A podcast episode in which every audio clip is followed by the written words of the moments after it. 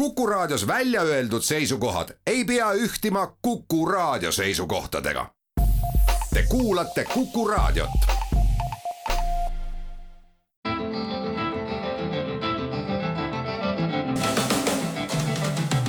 julge olla. saate valmimist toetab Kaitseministeerium. kena kesknädalat, head kuulajad. meie julgeolekuteemaline saade Julge olla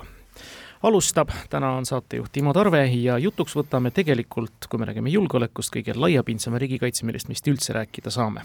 me räägime täna ja tutvustame lähemalt neile, kes veel ei tea, Kaitseliidust ja ütlemata hea meel on täna pühade vahel stuudios tervitada Kaitseliidu ülemat brigaadikindral Riho Ühtegit, tervist, Riho! tere päevast!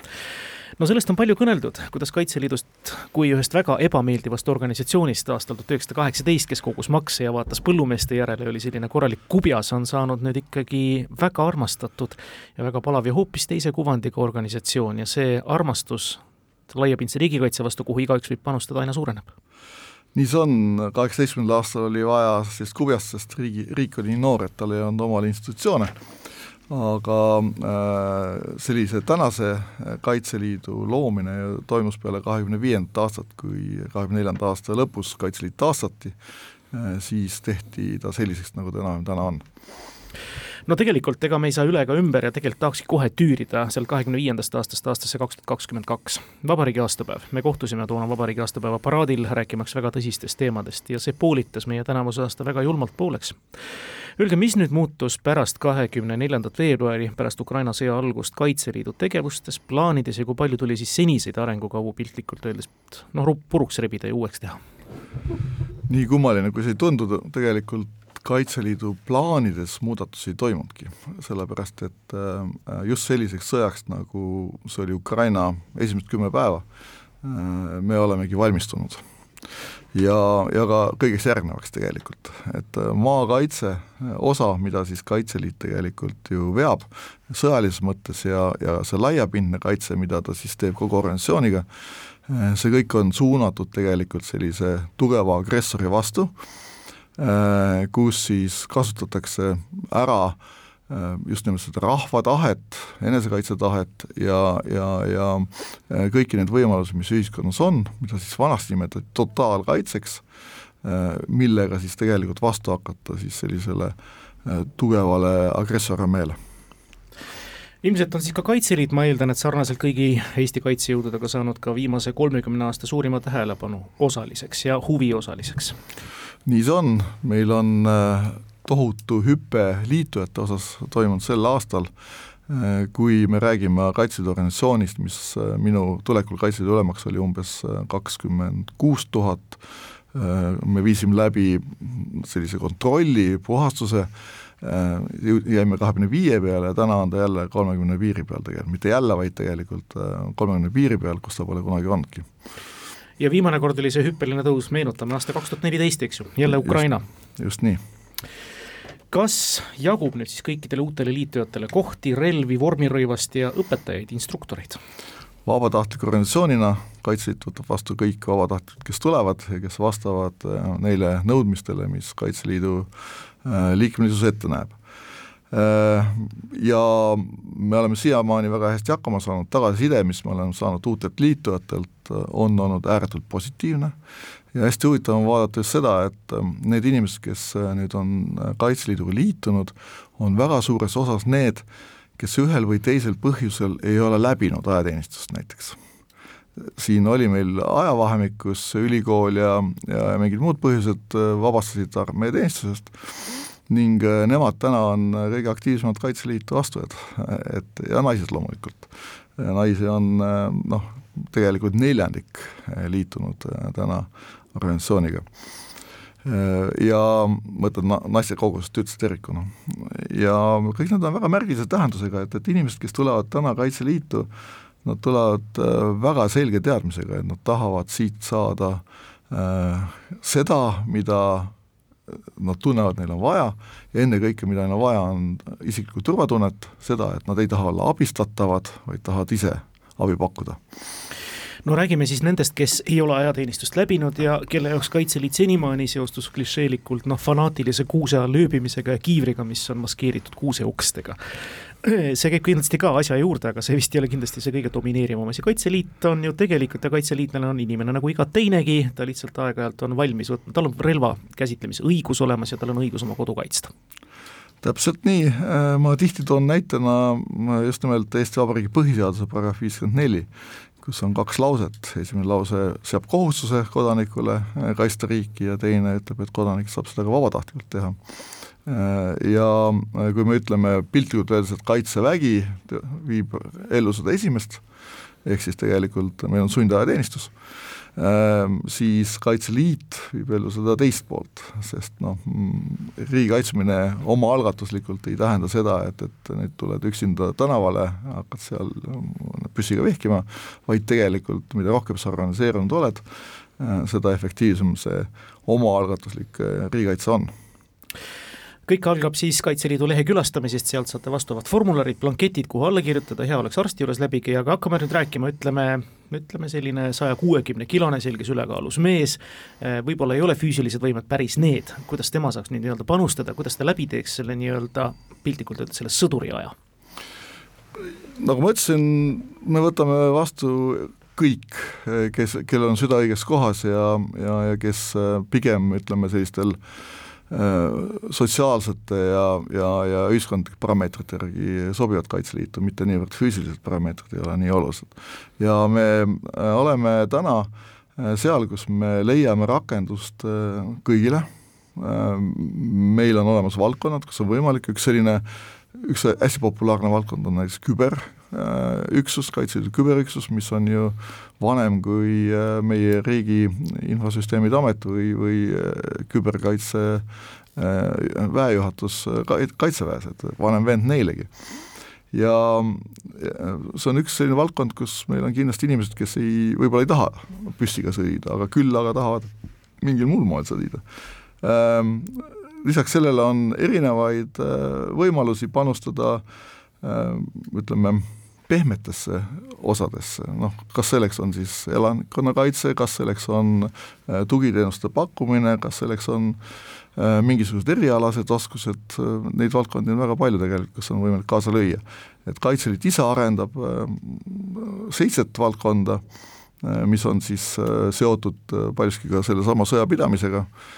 ehk siis me, meil, meil on selline doktriin, mida me nimetame kolme V doktriiniks, kus siis on esimene V on siis võitlejad, ehk siis needsamad püssimehed,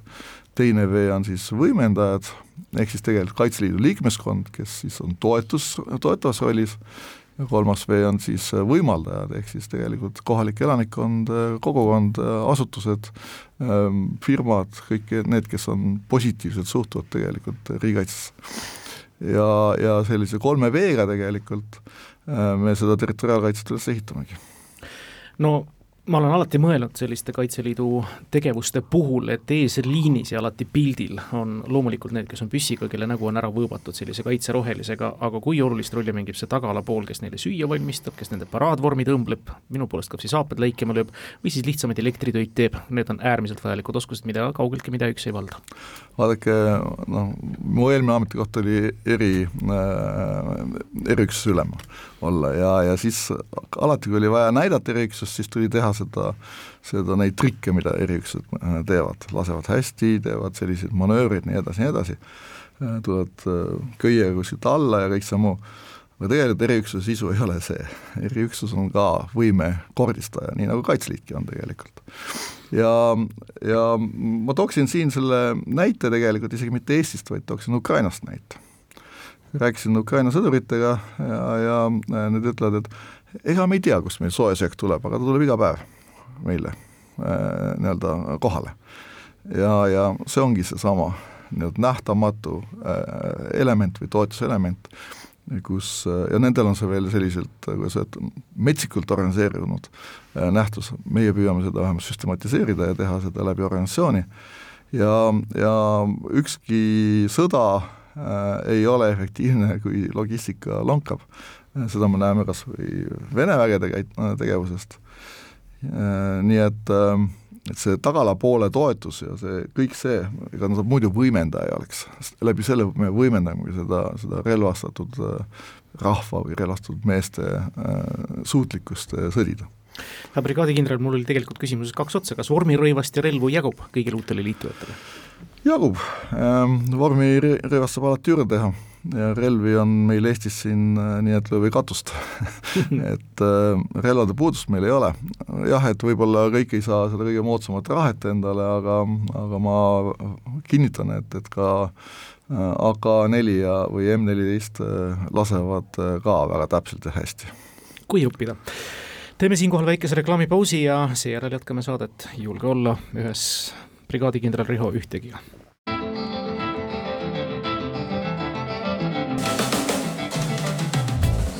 julge olla. saate valmimist toetab Kaitseministeerium saade Julge olla jätkab, täna räägime Kaitseliidust selle ülema brigaadikindral Riho Ühtegiga Äh, hea brigaadikindral, kui vaadata otsa nüüd uudistele, mis Kaitseliidu lehelt tulevad ja mis Kaitseliiduga on seostunud iseäranis just tänavusel aastal, siis kordub üks mõiste, mille nimi on maakaitse, maakaitse, maakaitse, üheskoos suure Eesti Kaitseväega. mis asi on see maakaitse, mille poole me siin praegu pürgime ja kuhu me tegelikult juba vist ka jõudnud oleme? Maakaitse on Kaitseväe, sõjaaja Kaitseväe äh, üks osa, struktuuriüksus. võiks öelda, et üks väeliik põhimõtteliselt Äh, ja mis seal salata, ta on täna umbes kolmandik äh, Kaitseväe suurusest ja aasta pärast on ta üle poole äh, Kaitseväe suurusest,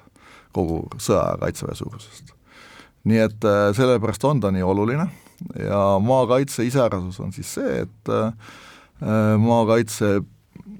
ülesehitamise ülesanne on pandud siis Kaitseliidule, põhiline äh, Äh, maakaitsekontingent tuleb Kaitseliidust, sest Kaitseliit ise äh, organisatsioonina äh, ei ole tegelikult sõjaline jõud, vaid ta kaasub siis vastavalt siis nendega, kellega vaja on koos tegutseda ja, ja, ja Kaitseväele ta siis sõja ajal annab oma suurema osa oma liikmeskonnast, milleks on siis maakaitse. Selleks, et nüüd maakaitse, mis on selle maakaitse erilisus, ongi see, et äh, tema sõdimisprintsiibid äh, on erinevad äh, igapäevasest siis regulaararmeest, et noh, me teame, et on olemas kolm väe, kolm põhilist lahinguliiki, on siis rünnak, kaitse ja viivitus, kõik on seotud territooriumiga, territooriumi hoidmine, an-, äraandmine ja tagasivõtmine, et, et nii nii nagu tavaliselt nende lahingutsüklitel käib ja, ja kui me vaatame üldse sellist pilti, siis väga palju ju tõmmatakse neid jooni just nimelt territoriaalseid jooni.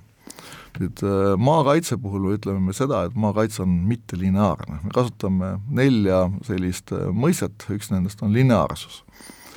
mida see lineaarsus tähendab, tähendab seda, et, äh, et on olemas, tõmmata jooned, kus on ühel pool on üks asi, teisel pool teine asi, noh näiteks ütleme faasijooned, ehk siis kui vastane liigub teatud piirini, Äh, siis öeldakse, et nii, nüüd sellest joonest alates on äh, kõik territoorium, mis äh, vastase pool on, on tema poolt haaratud territoorium. mittelineaarsuse puhul me ei tõmba jooni. et põhimõtteliselt on niimoodi, et, et üksused jäävad sinna, kus nad on, jätkavad seal võitlust, sõdivad seal siis kas väga iseseisvalt või siis koordineeritult, see on nüüd küsimus, kuidas on lahingutegevus üles ehitatud, ja, ja see loob sellise rinde sügavuse, ei ole rinnet, vaid on lahinguala äh, sügavus. ja mida kaugemale vastane edasi liigub näiteks, seda keerulisem on tal hoida lahti ühendusteid, seda keerulisem on tal tegelikult äh, äh nii-öelda mm, järeltulevaid vägesid äh, juurde saada, aga ka eesliikuvaid vägesid näiteks ütleme varustada.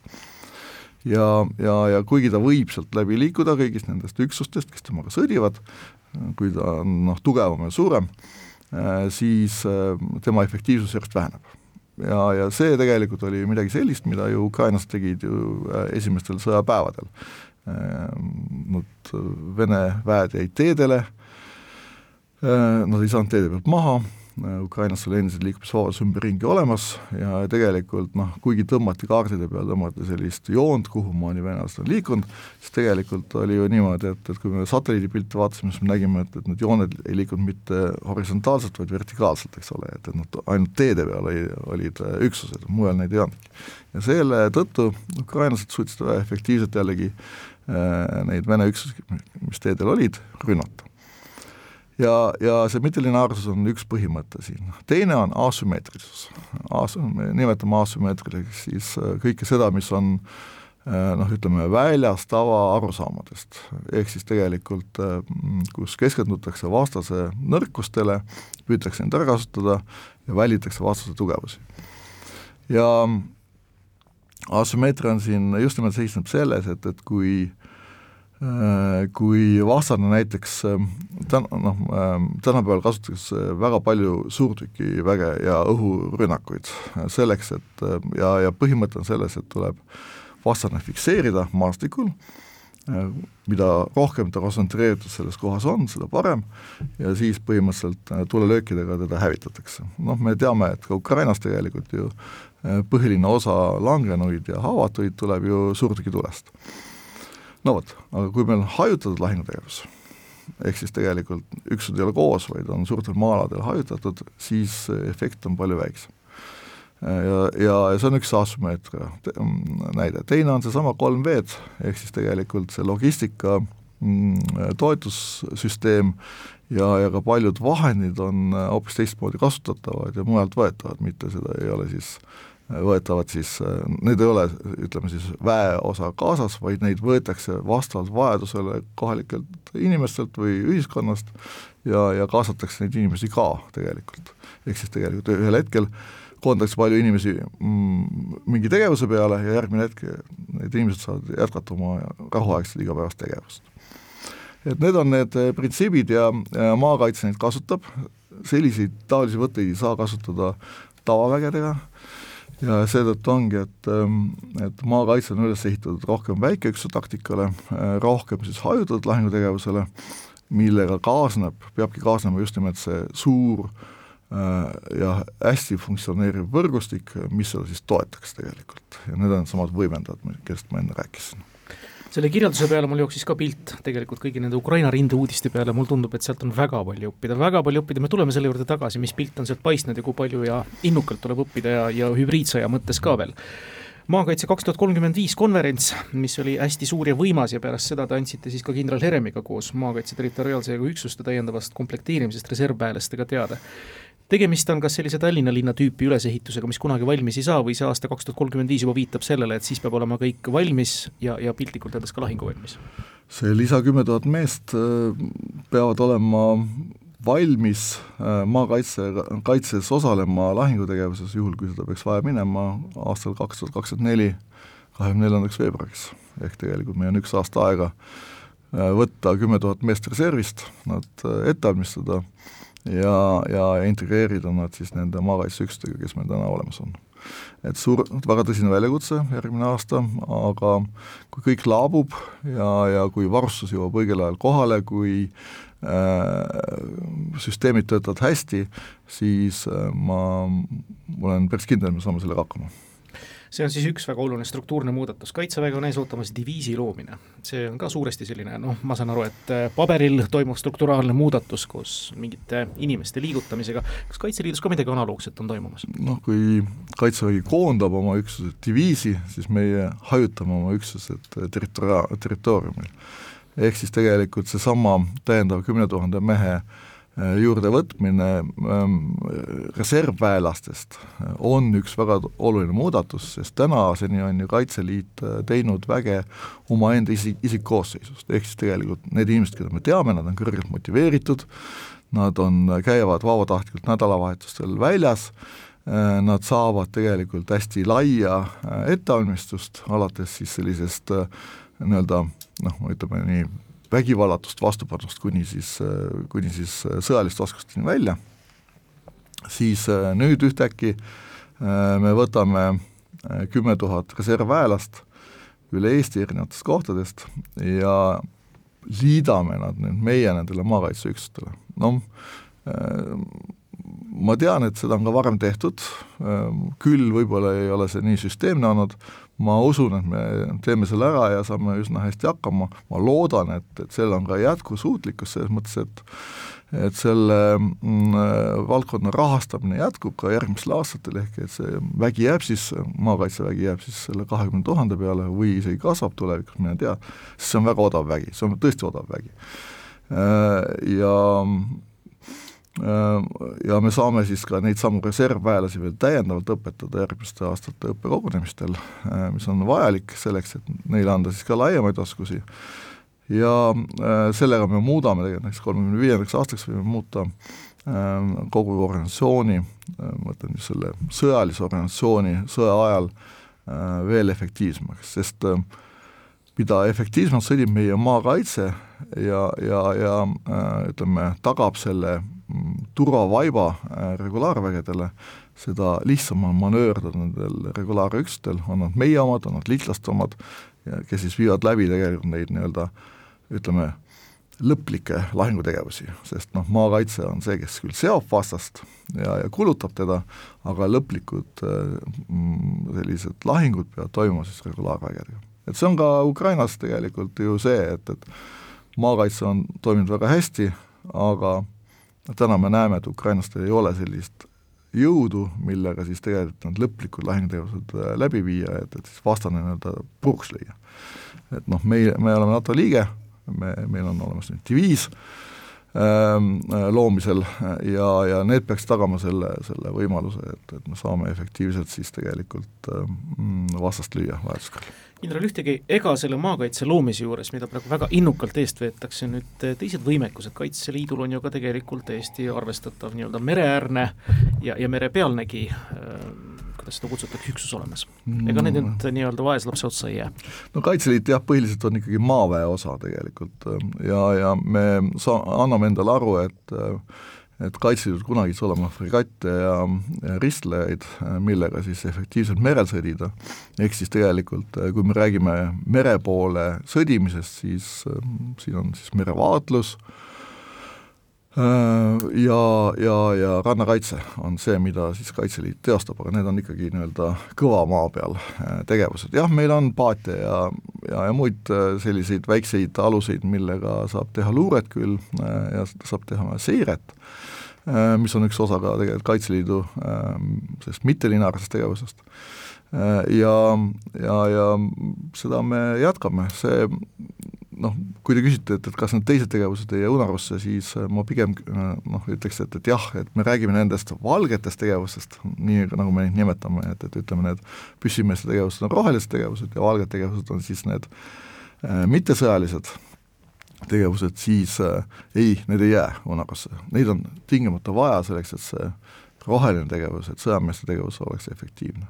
et vastupidi, me järgmine aasta paneme tohutult palju tähelepanu ka nende samade toetavate tegevuste arendamisele.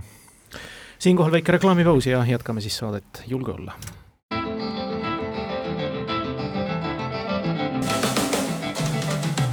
julge olla saate valmimist toetab Kaitseministeerium saade Julge olla oma kolmandas jaos täna, kahekümne kaheksandal detsembril me räägime Kaitseliidust ja brigaadikindral Riho Ühtegi, Kaitseliidu ülem on meil täna külas. Ega ma ise küsimata jätta nüüd ärevate uudiste taustal, mis puudutab väga paljude inimeste kodusid, kuidas on lood Kaitseliidu väljaõppe ja harjutustingimustega, kas teil jagub neid väljasid, kus pauku teha ja vähe suurematest relvadest kui ainult käsirelvad?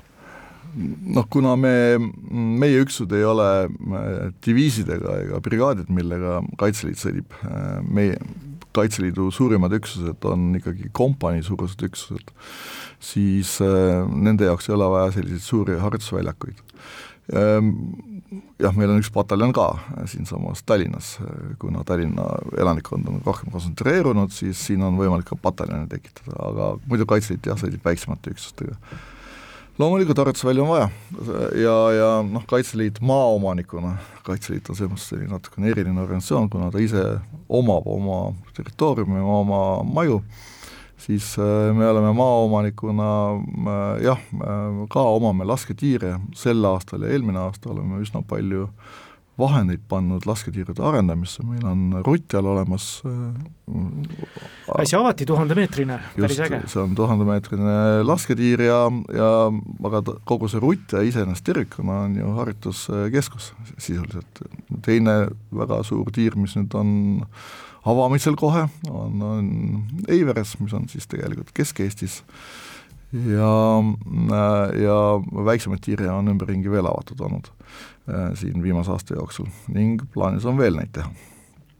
see põhimõte, mis Eesti Vabariigi ajal kehtis, et kaitseliitlane pidi tunni ajaga jõudma lähimasse lasketiiru, seda me püüame ka endal rakendada, tõsi, tänapäeval ei pea käima hobusega ega jala ja autoga võib seal tiir natuke kaugemal olla. millal te ise viimati kätt proovisite? Viimati proovisin kätt eelmine nädal ja plaanis on homme laskepäev teha ja kuidas vorm on?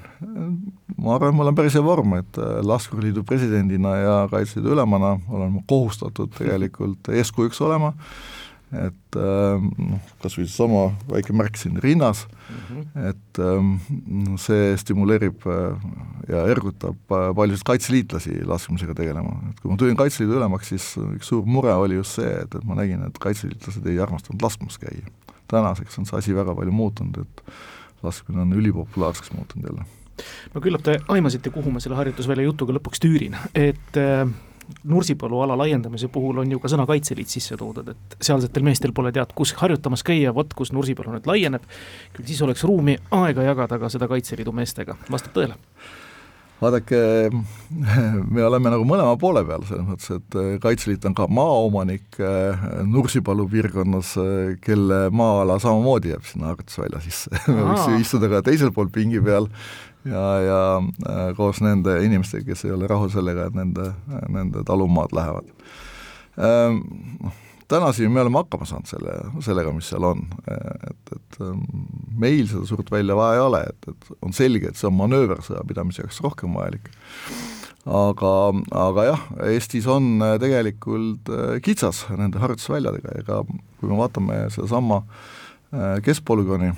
siis eh, see on ülekoormatud, kui me vaatame teisi väljaõppealasid, siis eh, need on ülekoormatud, et eh, meil on omal mõnikord üsna raske saada kuhugi äh, treeningalale treenima. ega Männikul on ka pidevalt punane lipp püsti? No Männikul jah, kui te nüüd mõtlete seda kaitseväe tiiru, mis on ühel pool teed, et Kaitseliidu tiir on teisel pool teed, siis tõepoolest, et mm, seal on jah, kitsas, õnneks meil on oma tiir olemas, kus mis on hästi, mis on igapäevaselt täis hommikust õhtuni enam-vähem, aga nüüd tulebki see, et, et kui meil on vaja teha taktilisi harjutusi ähm, lask-, koos lahingulaskmistega, siis seda tiirus ei tee, seda tuleb teha välja peal.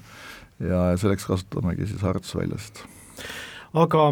kuivõrd teie sõna maksab, brigaadikindral ja te olete kindlasti kodu hindav inimene, mis oleks teie sõnum nendele kahekümne ühele majapidamisele, kes võivad nüüd siis Nursipalu laiendamise tõttu jäädagi oma mõnikord ka põlistaludest ilma? et noh, ma kinnitan, et, et riik teeb, annab endast parima, et, et la, leida lahendus, mis rahuldaks ähm, mõlemaid pooli. harjutusvälja on vaja me oleme käinud, ma mõtlen, Eesti riik on oma üksustega käinud äh, Lätis, Adasis, aga seal on ka tegelikult täna on nii, et äh, ega me sinna naljalt löögile ei pääse enam. et ei olegi sellist kohta, kus äh, tegelikult saaks siis näiteks soomusmanöövri võimega, mida meil hädasti vaja on, siia samamoodi appi harjutada. ja kui me tahame siin liitlasi veel seda enam näha palju, siis ka nendel on vaja seda harjutamiskeskkonda saada. et ähm, et pahatahtlikult ei teha mitte midagi tegelikult. Ja, ja, ja ma tean, ma olen näinud seda, ma istun Kaitseministeeriumi koosolekutel, ma näen ju seda, et tegelikult nii minister, kaitseväe juhataja, kantsler, kes iganes,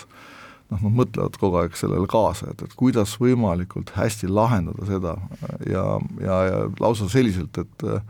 näiteks ütleme, kui on teada, et, et seadus muutub äh, kasulikumaks äh, maaomanikele järgmine aasta, et siis pidurdatakse täna selle protsessi, et, et, et jõuda sinna nende, nendele kasulikuma lähe-, lahenduse juurde. nii et, et ähm, ega ametnikud ei, ei, ei taha pahatahtlikud olla, lihtsalt see on see vajadus, mis Kaitseväel on, ja ma tean, et see on alati tekitanud suurt poleemikat, suurt, äh, suuri probleeme, ma tean, et äh, et mitte alati ei ole ka teine pool äh, selles mõttes äh, päris üheselt aus, et äh, et see kakskümmend üks majapidamist ei ole ju kõik, ei ela seal kohapeal ja, ja, ja äh, pigem nii mõnigi tegelikult võib-olla püüab sealt omale kasulikumat äh, olukorda välja kaubelda, mis on ka mõistetav tegelikult, miks mitte, aga noh, lõppude lõpuks seda ju tehakse ainult ühe mingi eesmärgi nimel, et, et Eesti oleks paremini kaitstud. et mingist küüditamisest või sellisest küll see juttu ei ole, otsitakse ju võimalusi, et, et kas siis leitakse kuhugi samaväärne maa, ehitatakse üles majad, hooned, mida iganes, jah, ma saan aru, nostalgiline väärtus, noh, Kaitseliit on ju samuti väga pika traditsioonidega kinnisvara omanik, et, et ma tean, mida tähendab nostalgiline väärtus, et kui ma tegin ettepaneku Kaitseväe peastaap mujale nihutada äh, ja ehitada moodsam ja, ja selline äh, noh, staabile kohasem hoone, mis oleks palju odavam pidada, siis äh, põrkusin ka vastu üsna suurt sellist vastuseisu, sest ähm, sellel hoonel, mis siin Tallinna kesklinnas on, on nostalgiline väärtus paljude inimeste jaoks. et ma tean, mida see tähendab. Ja, ja see on mõistetav, vanavanemate kodud ja nii edasi, aga noh, mingi lahendus tuleb siin lõpuks leida sirvides teie tänamusi uudiseid, pressiteateid, torkas silma ka see, et suur hulk on erinevaid teateid noororganisatsioonide tegemist, koondused, kogunemised, laagrid, võistlused. Ja kuidas te järelkasvuga nüüd rahul olete, kas riigikaitse teemad kõnetavad noori ja noh, jutud siis nii-öelda lumehelbekestest ja tsuumeritest on siis nii-öelda üle pingutatud? meil on tõepoolest äh, Kaitseliidus äh, kaheksa tuhat äh, särasilmset, teotahtelist, rõõmsameelset ja tohutu entusiastlikku noort. ja alati, kui ma käin nende ürituses, ma tunnen peale seda sellist uhkust äh, rinnas, et äh, ja, ja alati ütlen seda, et, et kuulge, kõik need jutud, mida me siin räägime mõnikord lumehelbekesest ja millest iganes, on ju tegelikult ikka täielik jama. et, et vaadake meie noori, vaadake kuidas nad teevad, kuidas nad hingega on asja juures et äh, me oleme ise mõnikord süüdi, et me ei lase neil piisavalt asjaga tegeleda. ja, ja, ja äh, see on nii liigutav, käisin siin sel suvel Lernakesel, noored tüdrukud, sellised noh, just nooremad, mitte, mitte need, kes tavaliselt käivad, aga seal olid ka mõned nooremad olid kohal, et pisar silmas, sest noh, raske on, siis ütled, et noh, et, et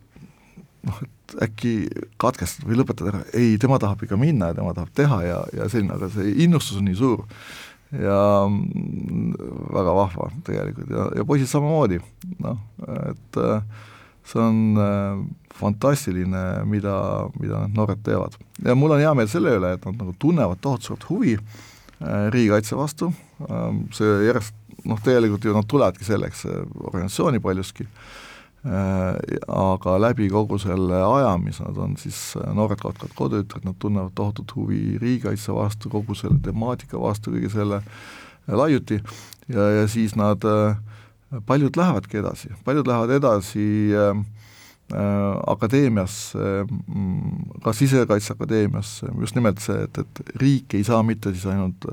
sõjaväelasi nendest või kaitseväelasi, vaid tegelikult riik saab mitmetesse riigikaitselistesse või ütleme, sellise riigi julgeoleku organisatsioonidesse saab sealt väga head kaadrit tulevikus. et äh, mul just oli siin Tartu aastapäeval, tulid noored poisid, võtsid ringi ümber ja, ja rääkisid seda, kuidas nad tahavad saada selleks, teiseks kolmandaks ja, ja et lähevad, ma küsisin, lähete koos äkki, jah, koos, ma küsisin, kas olete samast klassist, ei, me ei ole, aga me läheme koos sinna äkki. Ja, ja see on, see on nii vahva vaadata kas te tunnete ennast teinekord ka vähe rumalana, arvestades, millised ideed tulevad noortelt, noh, eks ole, uus põlvkond, tehnoloogiad, teadmised, arvutid, IT-värk, kõik see asi juures ja vaatad, oh-oh-oh, ma olen siin vanakooli mees, ma lasen märklauda. Jah, küll lasen elektroonilist märklauda tänapäeval juba, aga, aga ega ma ei tea, kuidas elektroonika töötab seal, et ilmselt nemad oskavad seda paremini seletada. ja tõepoolest, nii see on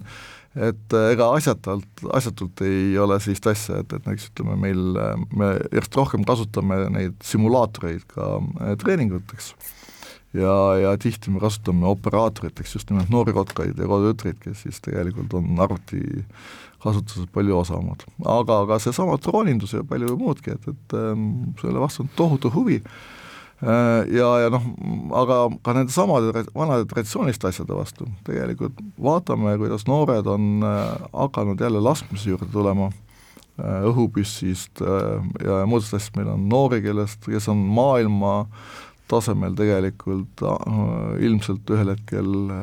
andekad ja, ja kes võib-olla ühel hetkel toovad meile kuldmedaleid olümpiamängudelt või maailmameistrivõistlustelt. See on, on, oleks ainult neid noortejuhte rohkem, siis meil oleks noori palju rohkem täna. siinkohal jälle väike reklaamipaus ja siis jätkame saadet Julge olla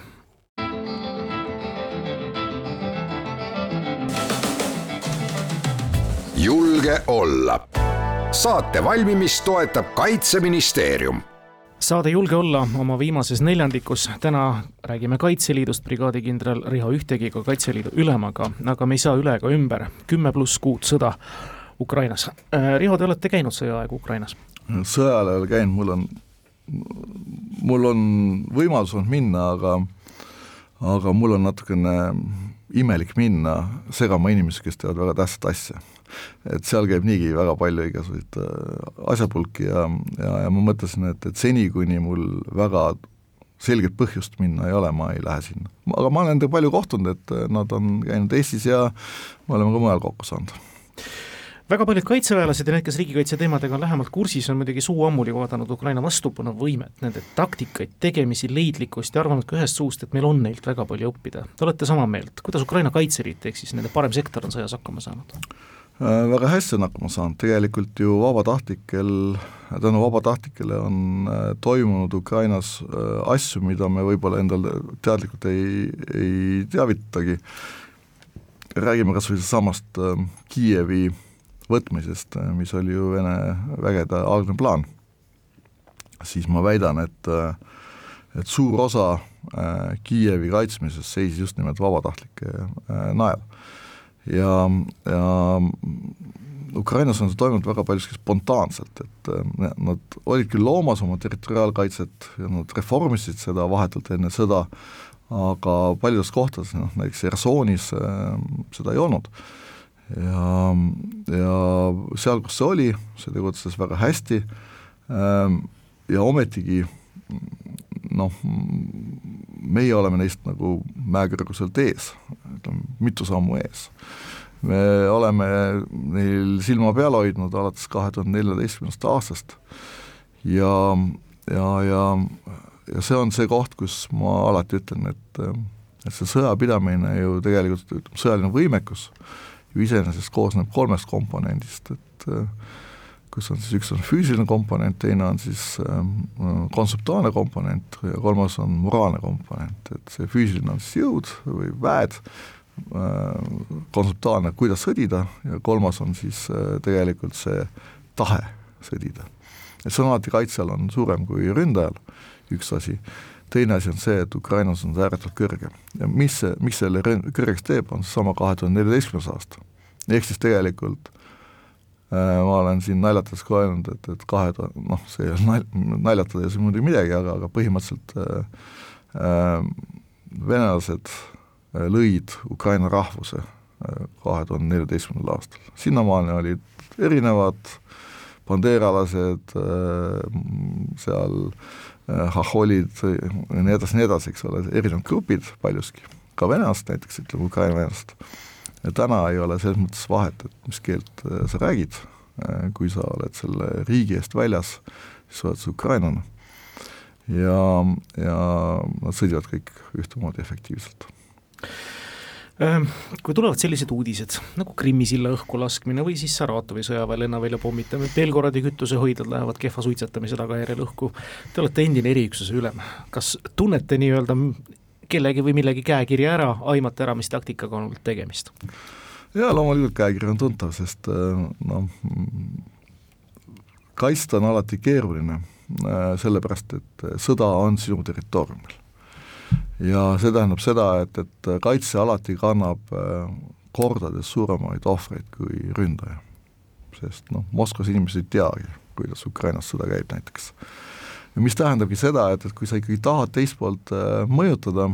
siis sa pead sõda, kandma ka tema territooriumil üle. Ähm, kui sa ei ulata seda tegema oma relvadega, siis pead kasutama teisi meetodeid. sealhulgas siis äh, ka eriüksusi või siis äh, diversante või siis nii-öelda kaastöölisi seal, mida iganes. et neid meetodeid on palju ja seda on kasutatud ju alati. ja on loomulik, et, et selleks, et teine pool saaks aru, et, et ta noh, mängib tulega ja mitte siis ma ei räägi nüüd juhtkonnast või, või sellest sõjalisest juhtkonnast, vaid ka rahvas saaks aru,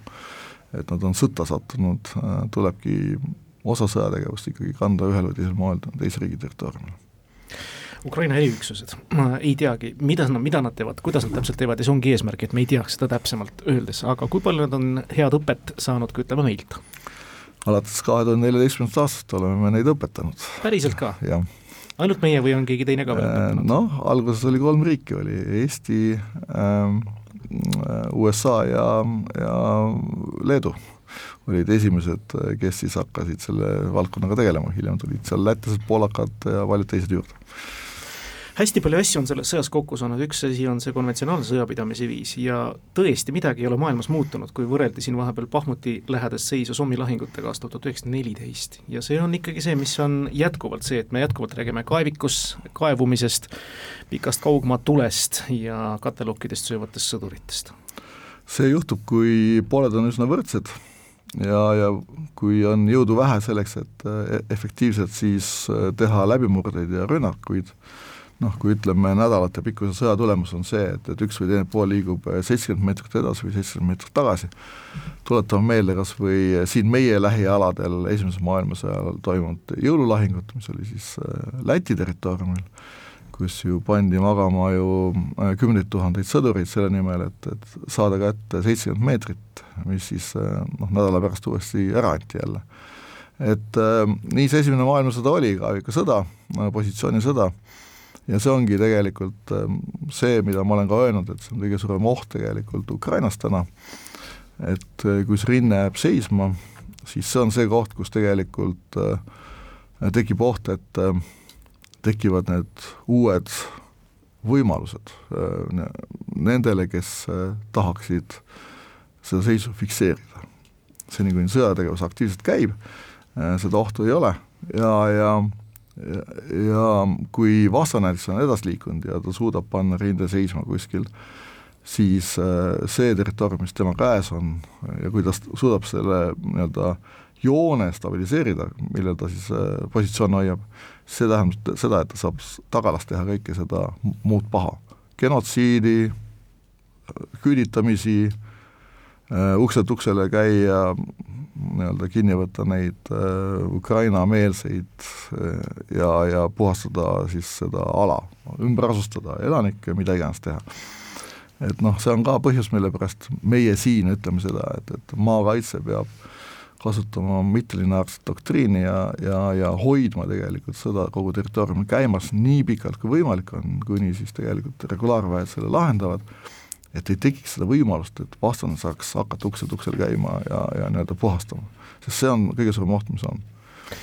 mittelineaarset sõda me kohtame ka seal, rääkimata siis kõikvõimalikust infosõjast ja muudest operatsioonidest, see on üks päris korralik noh, nii-öelda pundar asju.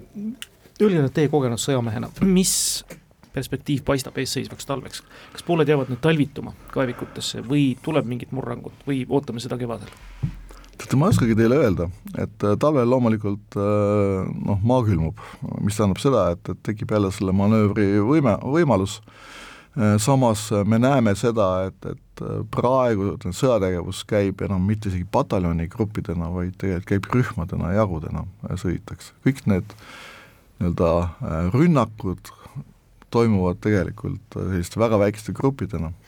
ja see, ja see on pigem siis sellised luurelahingud, kus siis tegelikult vastast äh, nii-öelda provotseeritakse või tähendab, vastane leitakse, tõmmatakse tagasi, suurtükitõli peale, jälle materdatakse ja nii edasi. Küsimus on, kui kauaks on laskemoona. me teame seda, et, et mõlemad pooled on kasutanud laskemoona üsna sarnaselt, ehk ka ukrainlased tegelikult sõdivad, nende maneer on ikkagi see sama vana maneer natukene, ehk siis kui Äh, suurtükid, mida nad kasutavad, on küll ette nähtud pigem selliseks täppislaskmiseks, siis äh, täna nad põrutavad sealt raudadest nii palju, kui tuleb ja täna laskemoona neil väga ei ole juba, ehk siis tegelikult nad noh, on äh, palju vähem lasevad kui, kui Vene suurtükid. venelastel näib seda moona olevat, et nad on tootnud seda viimased seitsekümmend aastat ja, ja kui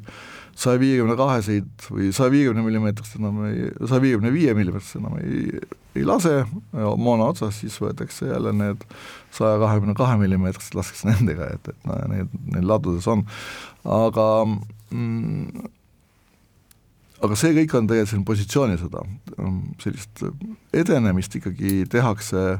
manööverüksustega ja, ja täna me teame seda, et, et venelased ei julge näiteks tanke rindele tuua. Tankid on rindejoone taga, viis-kuus kilomeetrit ja lähemale neid ei tooda seetõttu, et lihtsalt Javelin võib muidu selle tanki hävitada. et ja, ja moodsamad tankid on üsna otsakorral on jõutud siis sinna, kus siis kasutatakse tõesti vana T-kuutekümmet kahte või, või midagi sellelaadset, et äh, ega mõlemal pool on seis hapu. samas Venemaal on ressurssi päris palju. ja, ja noh, kolmsada tuhat mobiliseeritud, me teame seda, keda siis üks osa lükati kaevikutesse kohe, ühte osa täna natukene ka õpetatakse juurde välja, aga ega neid õpetatakse ju kergete üksustena välja, millega tegelikult sellist läbimurret või sellist suurt sõda ikkagi teha on iseenesest väga keeruline. nüüd ma ei julge mitte midagi ennustada, see on tegelikult esimene kord, kus ma ei julge väga midagi ennustada täna, et siis tuleb üle vaadata ja vaadata mingisugust pööret või mingisugust päästikut, mis siis sündima hakkab, siis oleme targemad ja küsime uuesti siis. aga seniks suur tänu teile tulemast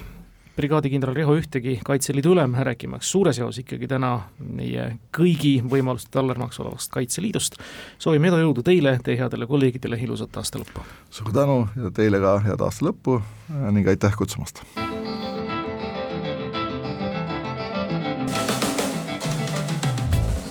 Julge olla. saate valmimist toetab Kaitseministeerium